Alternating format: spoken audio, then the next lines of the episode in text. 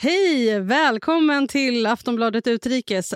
Jag heter Jenny Ågren. Jag har som alltid med mig Nivette Davoud. Hallå! Hej, hej, hej! Mår du bra? Ja! Härligt! Jag är lite förkyld. Ja, Ja. det är också jubileum för vårt... Eh, eh, ett år sedan både du och jag fick eh, covid-19. Lägligt till att eh, USA-valet eh, ägde rum som vi skulle jobba med. Ja, Ja. precis. Så därför tar vi revansch på det nu och pratar om USA i veckans avsnitt av Utrikes. För ja, det är ju så. Det var precis ett år sedan som Joe Biden valdes till president i USA. Det har sedan dess varit ett omtumlande år för amerikanerna. Till en början blev Biden någon form av frälsare efter åren med Donald Trump vid rodret. Men det här året så har Joe Bidens väljarstöd minskat rejält. Två av orsakerna till att folk börjar tappa förtroendet för presidenten är dels pandemin, men också hur USA lämnade Afghanistan efter 20 år. Vi minns alla kaosscenerna från landet och terrorattackerna i slutet på augusti. Och Det som händer i USA just nu är att det har varit guvernörsval. Och Det har varit en hel del som har hänt kring de här valen som kan få följder för presidentvalet 2024. Den stora snackisen är att en republikan, Glenn Youngkin, vunnit i delstaten Virginia, en stat som Joe Biden i presidentvalet förra året vann med 10 procentenheter. Det här kan betyda att det blir svajigt för Biden vid nästa presidentval. Och under tiden så har också Donald Trump stått och hoppat vid sidan av och nu börjar man på allvar spekulera i om han kommer ställa upp igen. Låter det här lite stökigt och krångligt? Nej, Det är ingenting som inte vi kan reda ut i alla fall. Nej, eller hur? Så vi ska försöka göra det i det här avsnittet. Och vi ska också ringa upp vår korrespondent i New York, Emily Svensson, för att fråga hur läget är och hur folk ser på de här valen. Och Trump. Det här är alltså Aftonbladet Utrikes. Det är den 4 november. Nu kör vi. Ni vet, Mm. varför är guvernörsvalet i just Virginia så viktigt? Ja, alltså det här blir ju verkligen en eh, temperaturmätare för presidentvalet. Eh, det har ju liksom varit som en fight mellan Joe Biden och Donald Trump egentligen. Eh, båda har eh, kampanjat för sina respektive eh, partikamrater. Eh, och som eh, du sa så vann ju Joe Biden eh, Virginia med 10 procentenheter för bara ett år sedan. Eh, och det var ju för att han eh, lyckades locka väljarna i liksom, förorter, alltså medelklassförorter. Att de gick över till Demokraterna och det var, det var ju på det sättet som han vann också i flera andra delstater. Ehm, och nu då så har man ju sett att Glenn Youngkin, han verkar liksom sno tillbaka de här, eller sno de här väljarna. Eh, och därför är det ju så himla eh, intressant att Virginia, som har varit eh, dominerat av Demokraterna, eh, nu då får en eh, republikansk eh, guvernör. Men eh, det blev ju också otroligt tajt i delstaten New Jersey. Men det slutade till slut på målsnöre med vinst för Demokraterna. Mm, det var supertajt, eh, alltså too close to call som, som det heter i USA. Eh, men sen då så var det demokraten Phil Murphy eh, som, som vann eh, guvernörsvalet där. Och han blev också faktiskt omvald, men som sagt med väldigt knapp marginal. Och det är ingen guvernör som har blivit sedan eh, 70-talet. Men ehm, det här säger liksom också någonting om läget just nu, för där vann Joe Biden, jag tror att det var med 16 procentenheter. Så att det, alltså han gjorde ju en superbra eh, liksom, eh, valkampanj och, valvinst där. Så man ser eh, New Jersey som också demokrat tung. Men nu då så har liksom Republikanerna verkligen gett en, eh, en rejäl match i den delstaten också. Mm. Men vad betyder det då att Glenn Youngkin har vunnit i Virginia? Ja, det här är verkligen intressant tycker jag. För att eh, Youngkin har gått en riktig balansgång får man nog säga. Eh, han är ju republikan och då måste man eh, numera förhålla sig till den förre presidenten Donald Trump. Eh, och han har liksom eh, gjort det här på ett sätt som vartenda så här, statsvetare och analytiker fått nästan glitter i ögonen av. För att han har eh, absolut hyllat Trump, men eh, han har till exempel inte nämnt honom i sina tal. Han har absolut inte gått liksom hela vägen och, och skanderat de här uh, ramsorna, liksom stop the steal och, och uh, sagt det som Trump har sagt om att det var valfusk som gjorde att han inte vann presidentvalet 2020. Så han, han fick det bästa, eller man ska säga, av Trump, eh, det vill säga hans, hans anhängares röster. Men han fick också röster från republikaner som eh, kanske inte liksom älskar hur mycket Trump fortfarande styr det republikanska partiet. Så det är någon slags gyllene medelväg här. Eh, och dessutom, eh, nu har vi bara pratat så strategi, mm. men det är också väldigt intressant vilka frågor som han drev under valrörelsen. Eh, att eh, han tog liksom upp skolfrågor ganska mycket, så här hur eh, ras och könsfrågor lärs ut i skolorna. Eh, och det här är också en fråga som verkligen bubblar i USA, liksom eh, ja, man brukar slarvigt kalla det för ett slags liksom, kulturkrig. Och sen så förstås också Eh, corona har han ju också tagit upp, men det, det som har stuckit ut mest är just det här med skolfrågorna och föräldrars liksom, inflytande i skolfrågorna. Så det har varit väldigt intressant. Mm, och president Joe Biden han har ju varit ute och flugit lite i Europa här under tiden det har varit den här valen. Han landade ungefär samtidigt som eh, valresultatet kom in. Hur har hans reaktion varit på det här nu då? Ja, alltså det här blev ju faktiskt ett, ett slag i ansiktet på, på Joe Biden, för han sa faktiskt bara dagen innan att eh, eh Terry McAuliffe, alltså demokraten i Virginia, eh, att han skulle vinna. Han sa det ganska självsäkert också.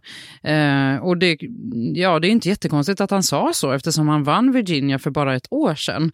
Ehm, och det var ju just det här liksom att Eh, Eh, han hade de här människorna i förorterna ganska säkert, tänkte han väl då. Men det han valde att göra i alla fall, Joe Biden, efter att ha landat från klimatmötet i eh, Glasgow, eh, var att lite, lite kan man säga skifta fokus. Eh, han höll en presskonferens eh, om att man har godkänt nu eh, vaccinering mot covid-19 för eh, barn i åldrarna 5 till 11 år. Eh, han fick ju såklart frågor om det här eftersom det är en, ändå blev ett så pass viktigt eh, val. Liksom. Och då eh, så sa han att ett väldigt så här, Joe Biden-aktigt svar. Liksom. Väldigt så här, eh, pussel och lite strategi och sådär och politik. Liksom. Att ingen guvernör i Virginia har någonsin vunnit när han eller hon tillhör samma parti som den sittande presidenten. Så att han valde liksom att ta det lite ovanifrån istället för att eh, kanske gå in på det här, eh, det faktiska detaljen, liksom, att man har förlorat så ändå stort. Liksom. Han var så här, han bara la la la la la, ja, jag vill inte höra. Liksom, ja. Men sen var han också, han försökte också styra in det på att eh, det här är liksom ett, eh, en, ett tecken för det demokratiska partiet, att vi måste få saker gjorda, vi måste produce for the American people, som han sa. Alltså det här är ju ett sätt att och, och liksom skynda på sina partimedlemmar i kongressen att, att det här, ehm, de olika åtgärdspaketen som han har eh, föreslagit, eh, att det måste de eh, få igenom i kongressen. Eh, han sa också att folk är upprörda i USA just nu för att det pågår en coronapandemi, att eh, priserna på till exempel bensin har gått upp mer. Så att han, ja, han försökte liksom lite så rikta sig mot lösningar kan man säga. Så där, då ska vi ta och snacka med Emily Svensson som är vår korrespondent i New York. Eh, god morgon! Hallå, Emily! Nej men hallå, god morgon! Du, hur säger du eh, att snacket har varit efter det här valet nu då? Ja men det här var ju helt klart ett slag i magen på demokrater. Nu har de en del självrannsakan att göra. Det var ju en förlust i guvernörsvalet i Virginia, en delstat som Demokraterna länge vunnit. Och Biden vann enkelt i presidentvalet, som nu är där det är republikanskt rött i guvernörsvillan. Det var en överraskning för många. Och på andra sidan vattnet från där jag sitter i New Jersey, där Biden också vann med 16 procentenheter för ett år sedan. Där var det länge överraskande jämnt lopp, men där Eh, det med liten marginal sen gick till Demokraten. Så det här borde få väckarklockorna att ringa för Demokraterna på högsta volym. Ehm, man såg ju det här valet mycket som en temperaturmätare som visar lite vad folk tycker om Bidens första år. Ehm, och här tror man att presidentens dåliga popularitetssiffror också har smittat av sig. Ehm, men jag ska också nämna att i Virginia så har det mycket också handlat om den här heta frågan hur mycket föräldrar ska ha att säga till om i skolorna och så kallad critical race theory som blivit den senaste brandfacklan i kulturkriget i USA. Så kort och gott, det folk snackar om, vissa ställer sig frågan om det är dags för Demokraterna att trycka på panikknappen. Ja, för man undrar ju det, vad kan det här resultatet eh, innebära nu då för kommande val? Ja, men det är oroväckande för partiet inför mellanårsvalet 2022. Um, ehm, där det partiet som annars vunnit makten i Vita huset ändå brukar ha oddsen emot sig redan. Ehm, så det här skulle kunna bli en slags manual för hur man kommer driva kampanj inför 2022 och presidentvalet 2024. Ehm, I Virginia ville ju eh, demokraten göra republikanen lite till en slags mini-Trump som ett skräckexempel för att locka demokratiska väljare. Och undersökningar visar att det inte funkade så bra utan det var mest frågor om ekonomi, jobb och utbildning som lockade mest. Um, och där var republikanen drivande, särskilt i skolfrågan, och snodde åt sig många oberoende förortsväljare. Uh, så han listade ut lite hur man ska navigera i det här kniviga Trump-landskapet, ehm, där Trump både kan locka och avskräcka. Ja, men det här är ju så himla intressant med Glenn Youngkin då, alltså han som eh, blev vald till guvernör Eh, för Republikanerna. Eh, för han hade ju en väldigt, eh, eller liksom en annorlunda inställning till Trump, precis som du nämner. Alltså han tog emot eh, Trumps stöd, men lyckades ändå på något vis hålla avstånd eh, till honom och att Trump också gick med på det. Vad, vad sägs det om det? Är det här liksom det nya framgångsreceptet för andra republikaner inför just mellanårsvalet? Ja, men det kan verkligen bli en skiss för hur republikaner ska göra. Han lyckades ju som du säger hålla Trump lite på armlängds avstånd sådär och han rörde sig bara i skuggorna. Eh, och på så vis lyckades han också få många oberoende väljare eh, som kanske är avskräckta annars av Trump. Men frågan många ställer sig och jag ställer mig också är hur väl de kan fortsätta göra den balansakten eh, med Trump. Eh, Trump kunde ju till exempel inte hindra sig från att skicka ut vissa uttalanden om fake news, att det var perversa som sa att han och Jankin inte gillar varann. Så om Trump hade kunnat live-twittra, vilket han inte kan för han är avstängd, hur hade det sett ut då? Och nästa år, om man har sin Twitter-klon, eh, Truth Social, kan det förstöra den taktiken? Eh, Trump drivs ju mycket av att synas och höras som vi vet. Eh, så kommer de kunna fortsätta övertyga honom om att verkligen hålla sig i bakgrunden. Ja, man undrar ju lite nu hur det snackas om Trump, eh, för det har ju ändå varit så de här dagarna, han har ju stått och hoppat av eh, lite glädje vid sidan av. Och, men hur snackas det då om Trump ett år efter att han har lämnat presidentposten? Jo, men en hel del ändå skulle jag säga. Han har ju trots allt ett järngrepp verkligen om Republikanska partiet. Många spekulerar, kommer han ställa upp eller inte i nästa presidentval? Skulle det, vad skulle det betyda för Biden eller Demokraterna? Han syns ju till viss del i nyheterna för man utreder genom en kommitté i kongressen vad som skedde 6 januari och där försöker Trump blocka den här kommittén från att få tillgång till papper som kan avslöja vad han gjorde före, eh, under och efter stormningen.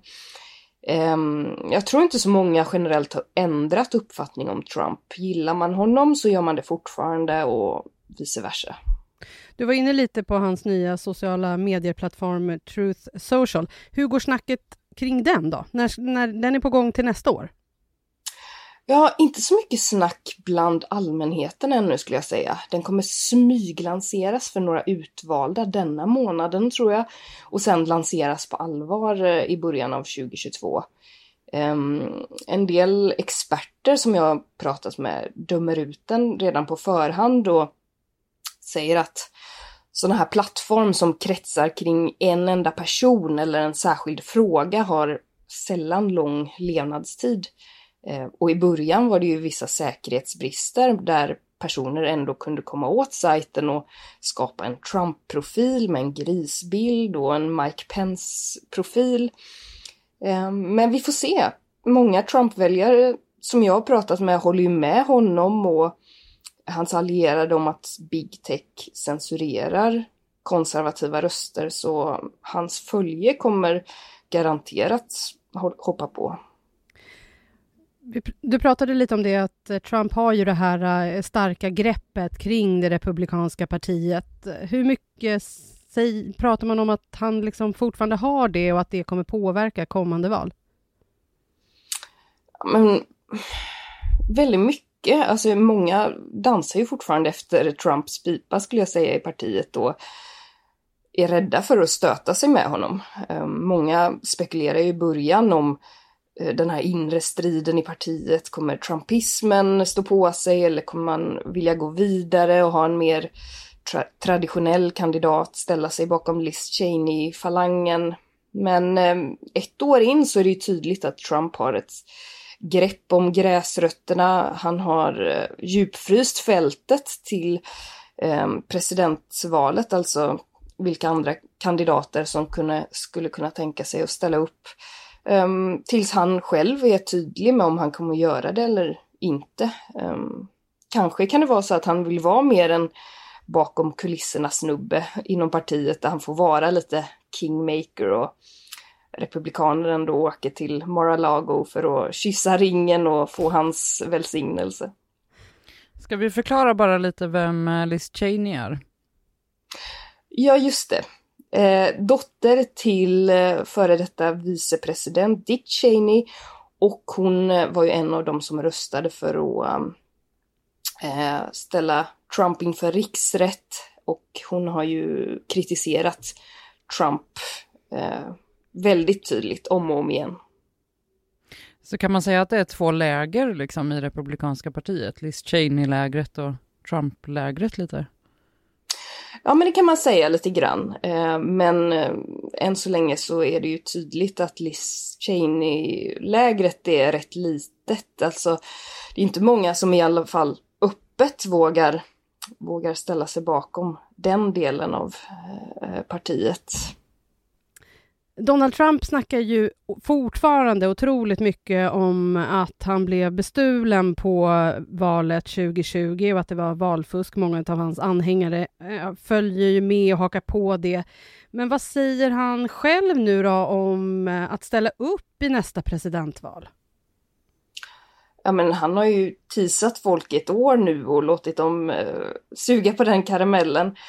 Alltså han hintar om och om igen Eh, för att liksom motta jubel på de här stora Trump-rallysen. Eh, men säger aldrig något fullt ut. Eh, till exempel Jim Jordan, senator från Ohio och nära Trump-allierad som jag träffade på CPAC i början av året eh, och frågade redan då samma sak. Han fastnade ju på en eh, inspelad video i september där han sa nu är Trump redo att gå in i fighten och ställa upp och han är så trött på alla galenskaper i Afghanistan så nu är det på gång liksom. Då gjorde folk sig lite beredda. Och sen fick man veta att han anställt personal i viktiga nyckelstaten Iowa och lanserar den här eh, Truth Social. Men eh, nej, han har inte gått ut med det ännu. Eh, och jag pratade med Trumps före detta rådgivare häromveckan, eh, Jason Miller, som nyligen hade träffat Trump på en golfrunda. Eh, och han är ju i princip 99% säker på att Trump ställer upp. Han säger att han hör det på honom när han pratar. Um, andra statsvetare jag pratat med om, är, om detta är oense. En del tror ja, allt pekar på det. Andra säger nej. Trump älskar showen, vara i rampljuset, men inte att styra. Oavsett så är de rätt överens om att Trump kan vänta länge med att vara tydlig om han ställer upp eller inte för att eh, han har redan ett känt namn, han har lätt att få kampanjpengar, ingen kommer direkt våga utmana honom, eh, så han kan göra det sent helt enkelt. Vi får se helt enkelt om han ställer upp. Eh, han är 75 år idag. Han skulle alltså vara 77, 78 då när han eventuellt ställer upp igen. Vi får se helt enkelt, Emily. Ja, den som lever får se. Ja. Tack snälla du för idag. Tack själva. Men okej, ni vet. Vad tror du då? Kommer Donald Trump ställa upp igen? Vet du vad, jag tror att han kommer hålla oss på halster ända tills han själv har bestämt sig. Jag tror att han, han vaknar och känner lite olika varje dag och, och det är ju rätt långt kvar så eh, det är väl inte så himla konstigt. Men jag tror att han älskar den här rollen som han har nu, förutom då att han inte får uttrycka alla sina känslor på Twitter. Men just det här att hålla på halster och liksom kunna påverka från sidan, jag tror att han gillar det nästan lite mer än när han liksom styrde en av världens största mm. demokratier. Mm, jag läste också att Melania inte var så jätteförtjust över att komma tillbaka till Vita huset.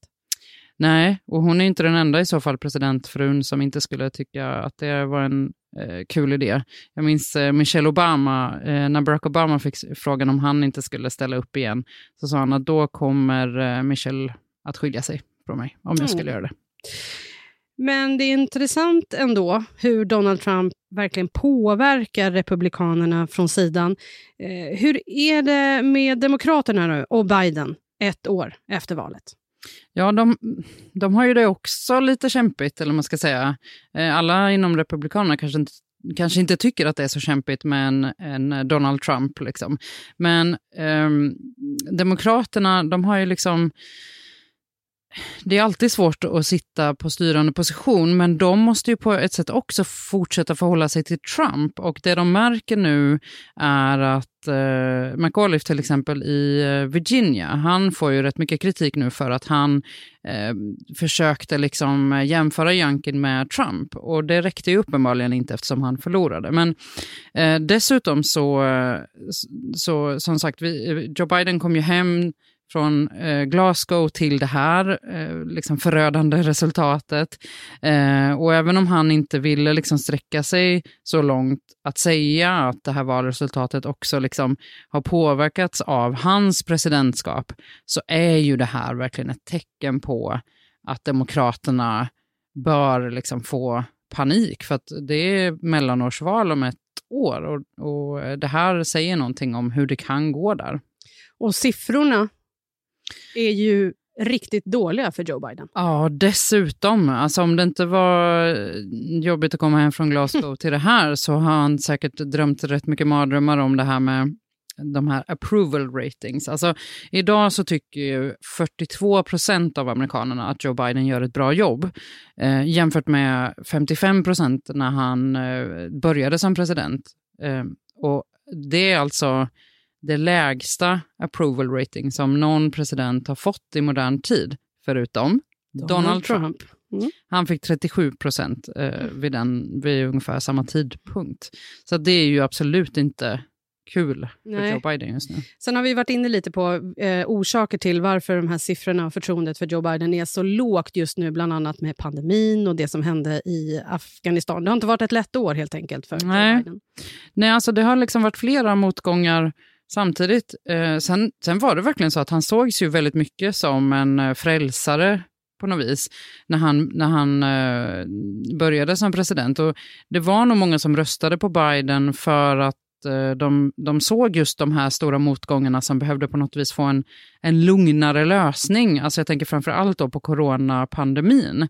Och där gick det ju till en början rätt bra, eller riktigt bra för Joe Biden. Han lovade till exempel eh, snabb eh, vaccination mot covid-19 och, och liksom satte upp mål som han hela tiden slog om hur många som skulle eh, vaccinera sig. Men nu går det ganska sakta med eh, liksom, vaccinationsviljan. Det är ganska stora fält av eh, människor som är, helt enkelt vägrar att vaccinera sig. Och smittan ökar. Deltavarianten dominerar i USA och smittotalen är höga. Sen har vi det här enorma kaoset när USA skulle ta, dra sina trupper ut från Afghanistan. Det var ju också en sån där sak som Joe Biden verkligen skulle visa att han var den lugna, inte liksom kaosiga Trump, utan det skulle vara ordnat tillbakadragande. Och så blev det ju kaos och katastrof och terror och attacker och amerikanska soldater som, som dödades. Mm. Så, eh, och på det så kan man också notera att, att det går inte jättebra ekonomiskt för USA den senaste tiden. I alla fall inte som det gjorde i våras, liksom, när, när, under Trumps lite så här glory, eller under Bidens glory days. Liksom. Men var det också då för att mm, man började öppna upp samhällena efter pandemin? Ja, men delvis eh, liksom, så kunde man ju se då att tillväxten eh, ökade på grund av det. Eh, och fler liksom, sattes i arbete och sådär. Och nu så ökar liksom, priserna på på varor och det har blivit mer inflation och, och ekonomi är en väldigt viktig fråga för amerikanerna. Nu är den, nu liksom övertrumfas den av coronapandemin, men den är, det är en väldigt viktig fråga annars. Man kan säga helt enkelt att smekmånaden är över för Joe Biden. Ja, definitivt. För det var ju som sagt det här med att rätt många pustade ut. Eh, och kanske framför allt efter, alltså precis innan Joe Biden eh, svors in som president så hände ju den här eh, hemska stormningen av Kapitolium och väldigt många kände nog att herregud, vilken, vilken tur att inte Donald Trump blev omvald. Och nu liksom kommer Joe Biden och, och lugnar stämningen men också reparerar mycket av den skadan som Trump Alltså många menade, inte alla förstås, men många menade ju att Trump hade orsakat mycket skada. Att han till exempel hade förstört relationer med rätt mycket allierade eh, i liksom, ja, runt om i världen. Alla de här avtalen som han lämnade, Parisavtalet om klimatförändringarna, de har eh, Joe Biden tagit USA in i igen. Eh, han har börjat förhandla med Iran om kärnenergiavtalet, alltså att, att Iran inte ska skaffa kärnvapen helt enkelt. Eh, och nu är han liksom klar med det kan man säga. Eh, nu är det tillbaka på lite sådär lugn och ro, då, förutom förstås coronapandemin. Men nu måste han börja regera liksom på sina egna meriter och där går det ganska kärvt för honom. För han har fått igenom till exempel några eh, stödpaket apropå coronapandemin, men inte sina mer större och långsiktiga reformpaket som han verkligen har eh, velat få igenom och verkligen ja, gått till val på. Liksom. Mm, du menar till exempel infrastrukturpaketet? Ja, precis. Det är ett av de eh, paketen som man vill försöka få igenom i kongressen och handlar om att rusta upp vägar, broar, järnvägar. Alltså det är rätt mycket infrastruktur i USA som är rätt kass, om man får säga så. Eh, och där såg det ut att gå ganska bra faktiskt ett tag. Han fick stöd av republikaner i kongressen och det såg ut som att det skulle kunna ta sig igenom det här paketet. Men då istället eh, så, så blev det inom Demokraterna som striden började tas. En ganska högljudd eh, vänsterflank som lite så här passa på kan man säga och vill eh, då få igenom saker i det andra reformpaketet, det sociala reformpaketet. Eh, och de här två ska liksom, de ställs liksom emot varandra och det har blivit förhandling och det har gjort att Biden har fått förhandla om och sänka summor och lite sådär. Så det är rätt kantstött just nu och det är det här som, som Biden menar att nu måste vi liksom, vi måste se det här Virginia-valet bland annat som en eh, Eh, en hint om att vi måste göra saker för folket nu. Vi måste få igenom de här paketen för att de ska se att vi gör någonting. Liksom. Man kan inte luta sig tillbaka och sitta stilla. Det kan man inte. Nej. Men du, nu har det precis varit guvernörsval. Om ett år är det mellanårsval. I Sverige då har vi val vart fjärde år. Ja. Så varför behövs de här mellanårsvalen i USA? Just det. Alltså det är ju, USA är ju eh, jättemånga delstater till att börja med, så det ser ju lite annorlunda ut än i Sverige. Men det är alltså ett jätteviktigt val, mellanårsvalet, där man väljer eh, sina liksom, delstatsrepresentanter till de två liksom, kamrarna i eh, kongressen. Eh, så att ena då, representanthuset, där väljer man om alla eh, ledamöter och sen till eh, senaten, där väljer man en tredjedel så att det inte blir liksom att man måste välja supermånga. Eh, men ja, det är lite motsvarande kan man säga vårt riksdagsval om man bara gör det väldigt, väldigt förenklat för att, så att alla hänger med. Mm. Och så Vad kan då komma att hända i mellanårsvalet? Ja, men det är ju det här som alla börjar titta på nu, för det här var ju en, ett startskott kan man säga. Ehm, och det, jag menar, om utvecklingen fortsätter så här, Eh, då kan det bli så att Demokraterna, som i dagsläget har eh, kontrollen i, i båda kongressens kammare, alltså både i senaten och i representanthuset, de kan ju förlora den majoriteten om, om det fortsätter se ut så som det gjorde i Virginia, men kanske lite också i New Jersey, att det inte alls är så självklart att Demokraterna har ledning där. Eh, liksom om man applicerar det här med att det har svängt så himla mycket i Virginia där, där Biden som sagt vann med 10 procentenheter, då eh, ser det ut som, alltså enligt liksom modelleringar och sådär, som att Republikanerna tar eh, majoritet, i alla fall i representanthuset. Och då blir det ju väldigt svårt för Joe Biden att få igenom politiska reformer, som till exempel det här, eh, de här olika åtgärdspaketen. Ehm, och sen, eh, som Emily också nämnde, så blir det här ju också en temperaturmätare eh, för presidentvalet 2024. Eh, beroende på hur det går i liksom, mellanårsvalet så kan man ana till stor del hur delstaterna kommer att rösta också i presidentvalet. Mm, 2021 har varit omtumlande år, 2022. Det kan hända vad som helst då också. Så vi får ja, se helt Det är nog mycket huvudvärk för Joe Biden just nu ändå. Ja, men vad tror vi då om framtiden för Joe Biden? Den närmaste kanske? Ja, men det är väl kanske ändå på sin plats att, att konstatera att det är ju faktiskt fortfarande ett helt år kvar. Eh, det kan hända ganska mycket, men att det här verkligen är en väckarklocka. Eh, Joe Biden behöver liksom få ordning på coronakrisen. Eh, och det kan han ju såklart inte göra helt själv. Det är ju en global kris, men åtminstone för liksom USAs del. Och det var väl därför då som han valde att hålla den här eh, liksom presskonferensen med fokus på covidvaccin. covid-vaccin. Men sen också det här med inflationen och tillgången på varor. Eh, och det här är ju två rätt stora frågor som, som kan liksom gå man vet inte om det går åt rätt håll eller om det går åt fel. Det går liksom inte att säga på förhand. Så att mycket återstår liksom att se. Men skulle han få igenom de här äh, åtgärdspaketen som vi har pratat om, då kan det absolut vara ett liksom sätt att vända trenden för honom. Eh, men sen så finns det också rätt mycket annat som kan hända som kan påverka populariteten. Nu har vi inte pratat så mycket om de senaste händelserna med abortlagstiftning till exempel i USA, men det är ju också en fråga som, som som puttrar tillsammans med det här som vi nämnde, liksom kulturkrigsfrågorna. Eh, och Högsta domstolen ska till exempel ta upp ett eh, abortfall nästa sommar. Eh, och det kan i sin tur påverka hur domstolen ser i stort på aborträttigheterna. Så det kan också bli frågor som, som seglar upp. Och där har ju då Youngkin eh, liksom öppnat den dörren lite till den typen av frågor. Så det kan också bli eh, viktiga frågor i både mellanårsvalet men också eh, sen i presidentvalet. Så det är mycket som vi inte riktigt vet än. Vi får Mm. eh, kolla noga i vår kikare. Ja, det känns ju också ganska skönt att inte veta vad som kommer hända i framtiden. Ja, men det är väl det som är lite spännande med just framtiden. Hey, I'm Ryan Reynolds. Recently, I asked Mint Mobile's legal team if big wireless companies are allowed to raise prices due to inflation. They said yes. And then when I asked if raising prices technically violates those onerous two year contracts, they said, What the f are you talking about, you insane Hollywood ass?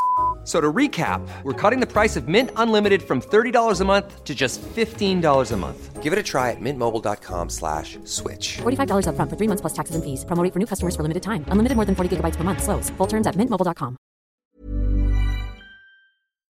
Kanske. Vi kanske också får återkomma till abortfrågan. Den är otroligt intressant. Absolut. Eh, ni vet, vet du vad? Vi är klara för idag. Mm. Mm. Vi är tillbaka med ett eh, nytt avsnitt nästa vecka om alla håller sig friska och krya. Mm, inshallah. Mm. Följ oss gärna i din poddspelare så missar du inte när vi kommer ut med ett nytt avsnitt. Och du kan alltid läsa mer om alla olika val i USA på aftonbladet.se. Nu säger Jenny Ågren och Nivette Dawood tack för idag. Slut för idag. Hej då! Hej då. Du har lyssnat på en podcast från Aftonbladet. Ansvarig utgivare är Lena K Samuelsson.